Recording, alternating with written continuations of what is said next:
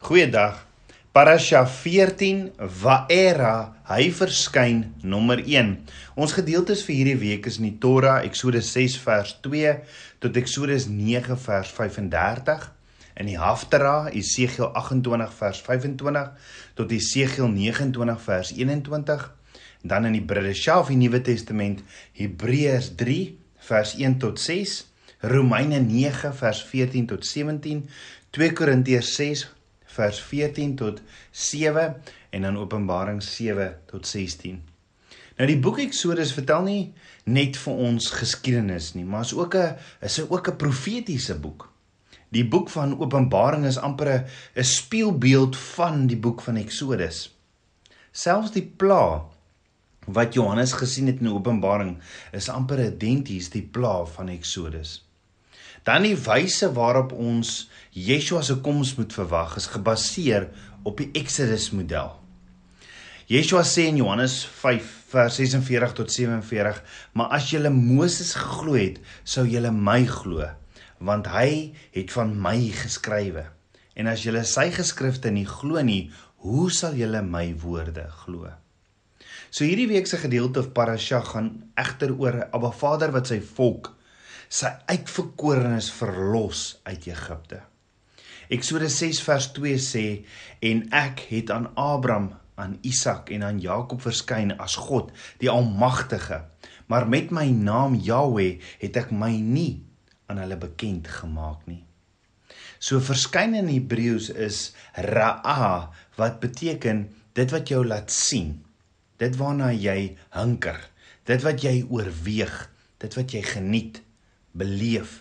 Dit wat wat jou in verwondering laat staan of verstaan, respekteer, staar of doelbewus voor iemand te kom staan. Nou Vaera is afgelei van die van, van die woord Ra'a wat beteken verskyn. Ons gaan sien hoe Abba Vader se se reddingsplan wat hy in gedagte gehad het voor die grondlegging van die wêreld af in werking, hoe hy dit in werking gaan stel. So wanneer Abba Vader homself aan die kinders van Israel kom bekendstel, dan doen hy dit deur aan hulle te verskyn sodat hulle en ons hom kan sien en in verwondering voor hom kan staan. Hom kan respekteer en sodat hulle en ons sy openbarings kan ontvang.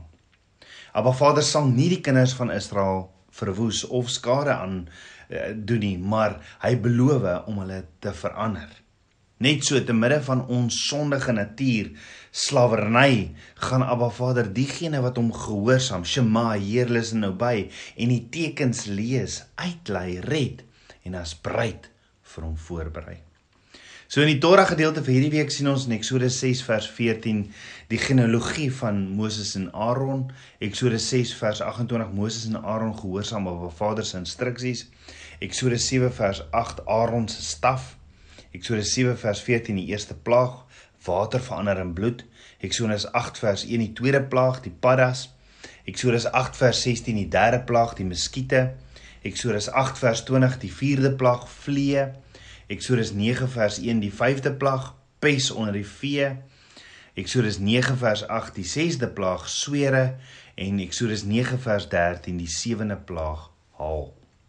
So die gedeelte in die Haftara vir die week wat saam bestudeer word, sien ons behels Eksodus 28 vers 25.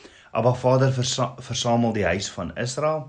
Eksodus 29 vers 1 Jesegiel profeteer teen Farao en teen die hele Egipte. Die gedeelte in die Bridde self, die Nuwe Testament vir die week wat ons ook saam bestudeer word, uh wat ons saam wat wat saam bestudeer word sien ons behels in Hebreërs 3 vers 1 Yeshua groter as Moses en dan ook die waarskuwing teen ongeloof en ongehoorsaamheid. Dan Romeine 9 vers 14 Abba Vader is barmhartig en ontferm hom oor wie hy wil. So ons weet Abba Vader, skepper van hemel en aarde, kon sy volk in 'n oogwink uit Egipte geneem het. 'n Soort wegrapping. Maar hy het nie. Want hy was en is nie van plan om net 'n klomp slawe uit slawerny te haal nie. Nee, hy was en is van plan om vir hom 'n bruid te kom haal en voor te berei. Hy gaan dus nie vir hom 'n breed wegraap soos 'n oorlogsgevangene nie, maar hy gaan wag totdat sy gereed is om hom te ontvang en haarself aan hom oor te gee.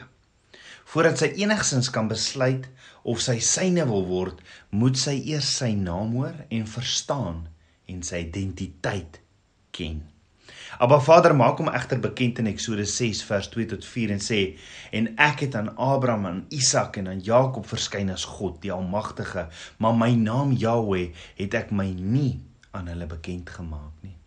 Ook het ek my verbond met hulle opgerig om hulle die land Kanaan te gee, die land van hulle vreemdelingskap waarin hulle vertoef het en ek het ook gehoor die kerm van die kinders van Israel wat deur die Egiptenaars in slawerny gehou word en ek het aan my verbond gedink.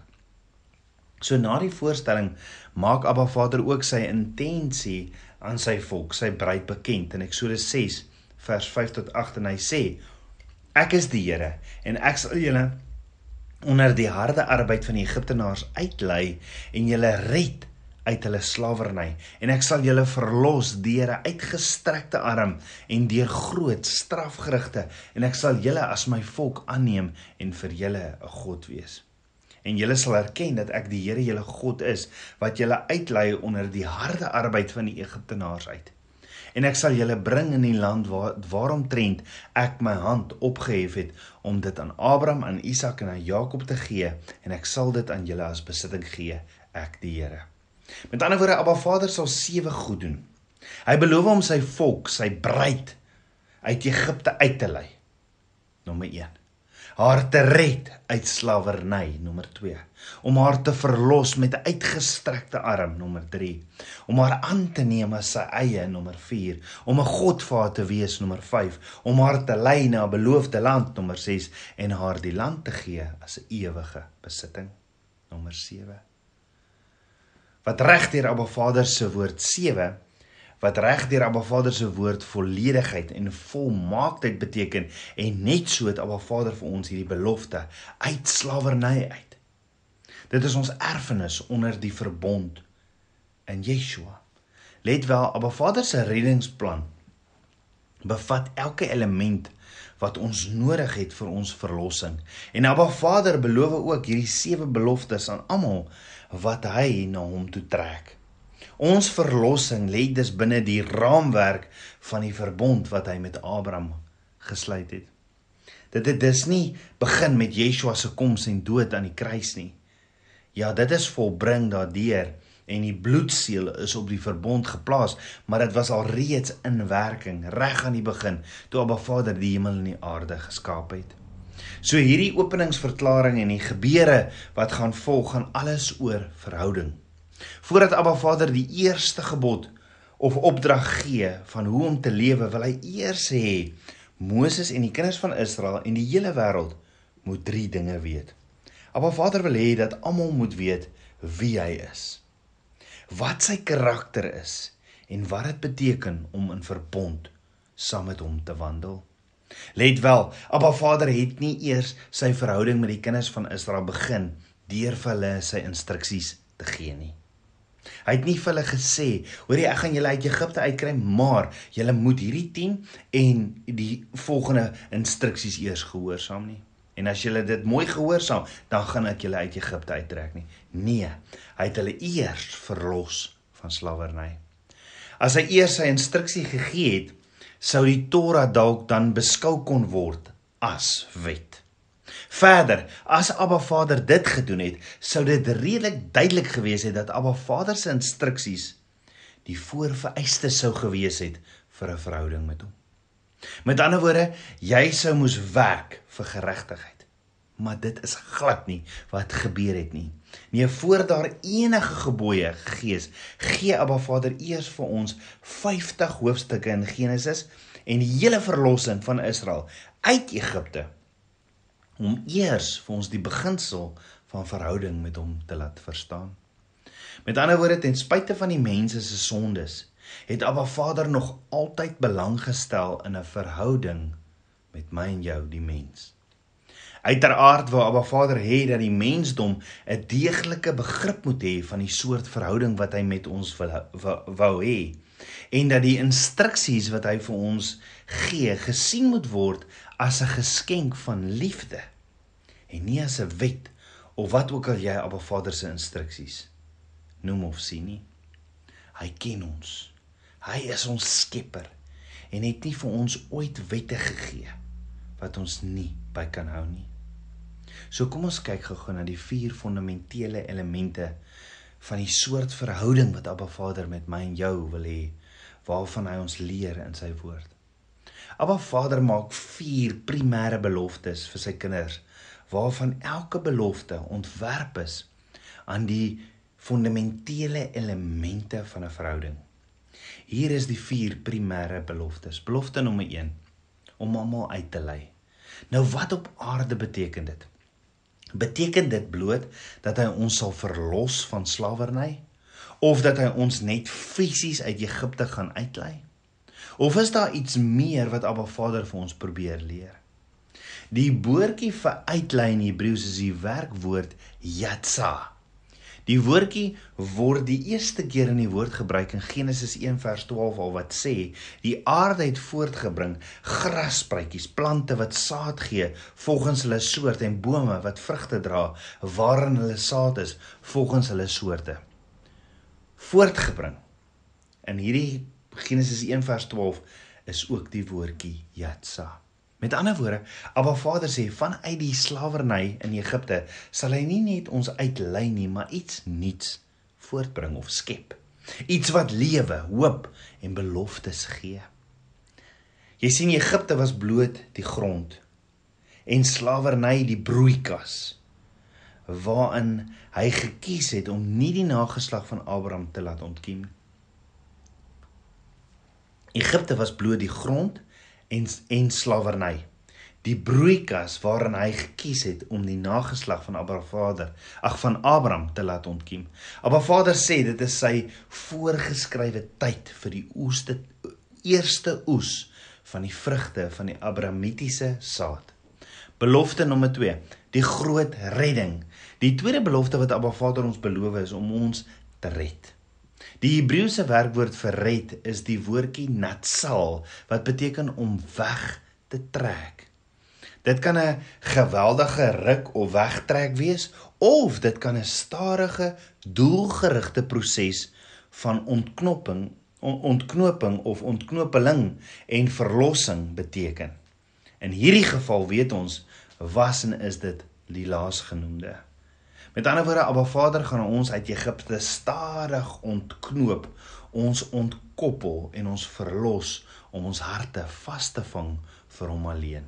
Onthou, Abba Vader het die eerste 3 tekens het hy vir Moses gegee nie net om hulle te verlos uit Egipte nie, maar ook omdat hy geweet het watter pyn en seer is in hulle hart en dat hy ook ehm um, ehm um, hulle verlos, maar ook reg ehm uh, um, geregtigheid gebring het en dat hy weet wat is hulle planne. Hy verklaar sy voorneme om ons geduldig en liefdevol uit die land van die piramides uit te vat na sy beloofde land toe wat oorloop van melk en honing.